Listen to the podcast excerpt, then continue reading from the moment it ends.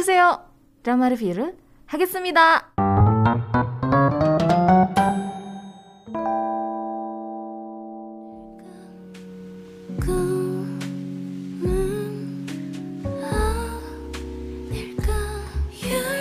Wow, ini lagunya melo-melo gimana gitu ya. Ini soundtrack dari drama One Ordinary Day. Sebenarnya terbilang cukup cepat ya, karena kan dramanya baru dirilis di tanggal 27 November dan OST-nya tuh udah keluar gitu, cepet banget. Ini dinyanyiin sama Win, judulnya Ice Cream Love. Oke, okay, drama ini, drama One Ordinary Day itu didirect oleh Im Myung Woo. Im Myung Woo uh, pernah mendirect drama Backstreet Rookie, terus Whisper, terus Punch, sama satu lagi The Very Praise dan lain-lain. Makanya uh, aku notice karena dari Whisper dan juga Punch sama The Very Praise itu ya yang mungkin genrenya mirip-mirip gitu.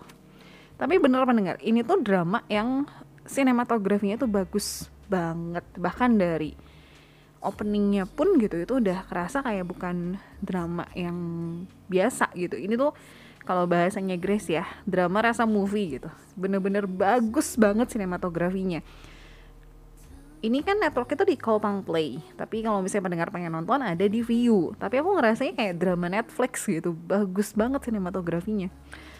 Writernya adalah Kwon Sun Gil. Dia ini penulis untuk drama The Royal Gambler terus Jung I Goddess of Fire sama Warrior Baek Dong So. Jadi baru empat drama yang dia tulis ya sama One Ordinary Day. Dari segi cerita sebenarnya ini kan remake ya. Jadi aku nggak nonton versi aslinya karena aku cari-cari nggak ketemu. Nanti kalau udah nonton versi aslinya mungkin lebih bisa ngebandingin ya. Episodenya cuma 8 biasanya kan rata-rata drama-drama itu episodenya 16 gitu. Nah ini tuh cuma 8 rilis date-nya di tanggal 27 November sampai 19 Desember. Runtime-nya setiap hari Sabtu dan Minggu. Dan rilisnya pun barengan. Untuk jamnya jam spesifiknya aku nggak gitu tahu kelihatannya sih malam ya soalnya kemarin itu pas lagi episode yang kedua itu malam sekitar jam 10 udah keluar sih di view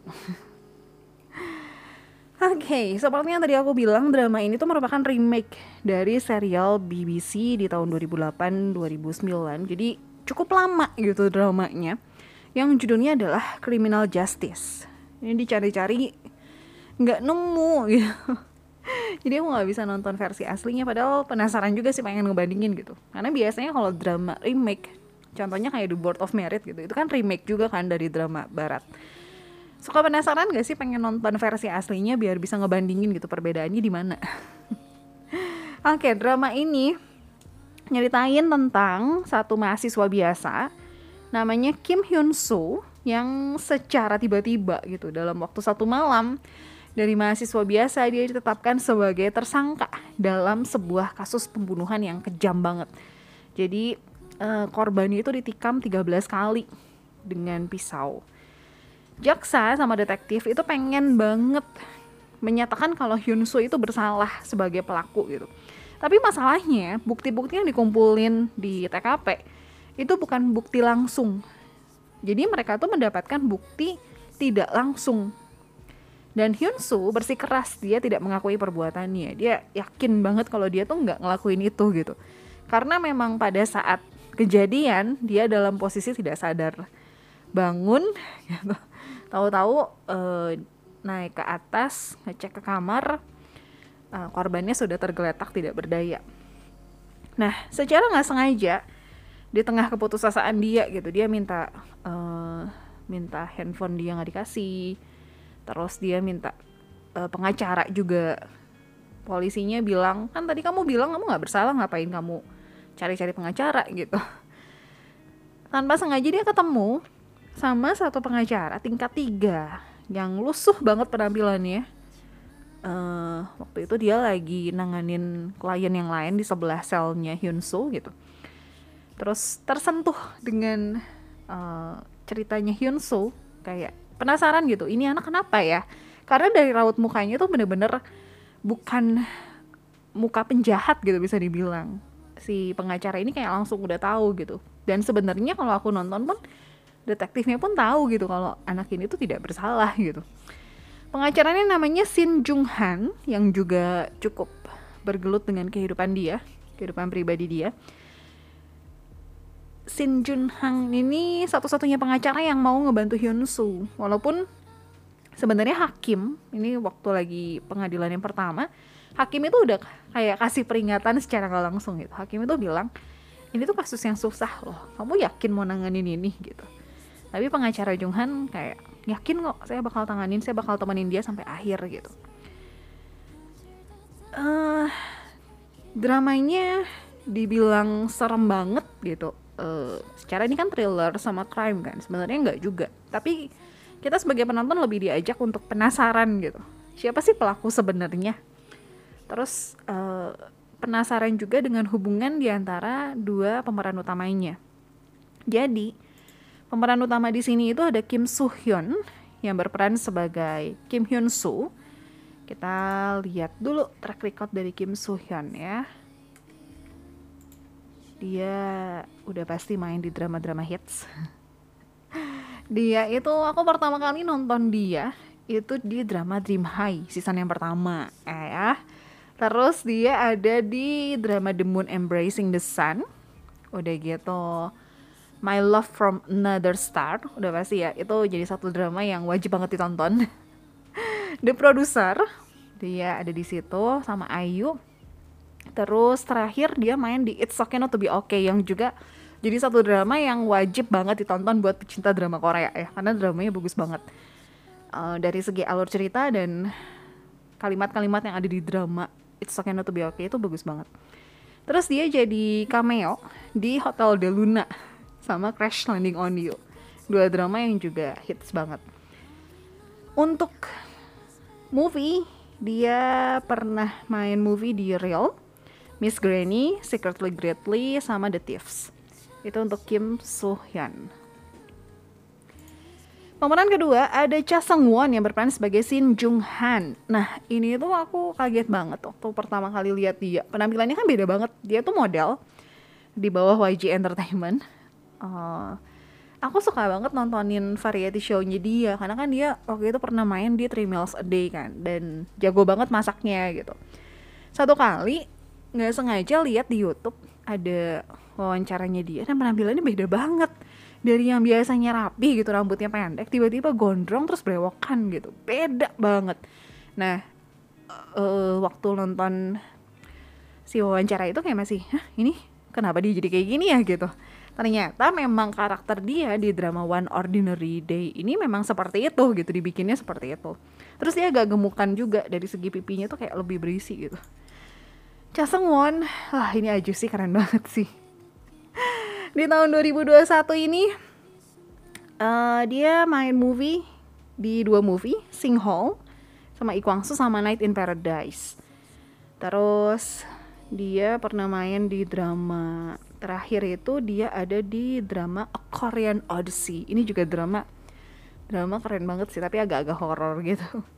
Terus dia ada di Hwajong You Are All Surrounded bareng sama Iseng Gi oh dia dua-duanya berarti bareng sama Iseng Gi A Korean Odyssey juga kan ada Iseng Gi kan Terus dia ada di Greatest Love, terus ada di City Hall dan lain-lain. Dia tuh actingnya bagus banget. Cuman asli ketika di drama One Ordinary Day ini kayak beda banget penampilannya sampai kayak pangling gitu. Oke karakter berikutnya si detektif yang bikin gemes gitu. Dia adalah Kim Hong Fa yang berperan sebagai detektif Park Sang Bom. Di sini tuh dia bukan detektif yang nyecar gimana sih. Lebih ke kalem karena diceritainnya tuh di ketika dia dapat kasus ini dia sebenarnya tiga bulan lagi mau pensiun gitu ceritanya. Dan Shin Jung Han itu agak greget sendiri. Kenapa sih detektif ini tuh ngambil kasus ini gitu kan dia mau pensiun udah deh tenang aja gitu tenang-tenang aja terus tahu-tahu pensiun gitu nggak usah ribet-ribet ngambil kasus ini gitu tapi detektif ini tuh kayak bersikeras untuk ngambil kasus ini gitu. Kim Hong Fa ini juga udah cukup sering muncul di drama ataupun di movie. 2021 ini dia main movie ada dua, Sing Hall ya. bareng sama Cha Sung Won sama Sobok. Wait. Ah, Sobok itu yang diperanin sama Gong Yu sama Pak Bogum. Pantas kayak berasa nggak asing. Terus terakhir dia main drama itu di tahun 2020, Dokter Romantik yang kedua. Terus dia ada di Black Dog, Chief of Staff, season 1 sama season 2. Terus Voice season yang kedua. Uh, Bad Guys, File City. Terus Suspicious Partner. Terus Whisper. Udah gitu Squad 38, Pied Piper dan lain-lain. Oke, okay. berikutnya uh, karakter berikutnya adalah jaksa. Ini juga jaksanya karena aku nontonnya baru sampai episode yang kedua kan. Terus kayak penasaran ini sebenarnya si jaksanya tuh arahnya mau ke mana gitu. Jaksanya diperanin sama Kim Sin Rock uh, yang nama jaksanya itu adalah Antehi jadi si jaksa ini tuh kayak kalau aku lihat cukup ambisius untuk menangani kasus. Dia nggak mau kalah. Ya udah pasti sih. Siapa juga yang mau kalah ya. Cuman maksudnya dia terlihat ambisius banget gitu. Dan pas nonton ini tuh aku ngerasa kayak nggak asing dengan muka dia. Ternyata dia ada di Hellbound pendengar. Dia jadi salah satu uh, ibu yang baru berulang tahun terus dapat titah gitu. Dia muncul di Hellbound. Pantesan nggak asing. Terus dia juga ada di Work Later Drink Now dramanya Siwon. Terus dia ada di You Are My Spring yang juga aku nonton ada di Beyond Evil juga dan uh, ternyata dia ini memulai karirnya tuh di tahun 2020 baru banget di drama The Crush.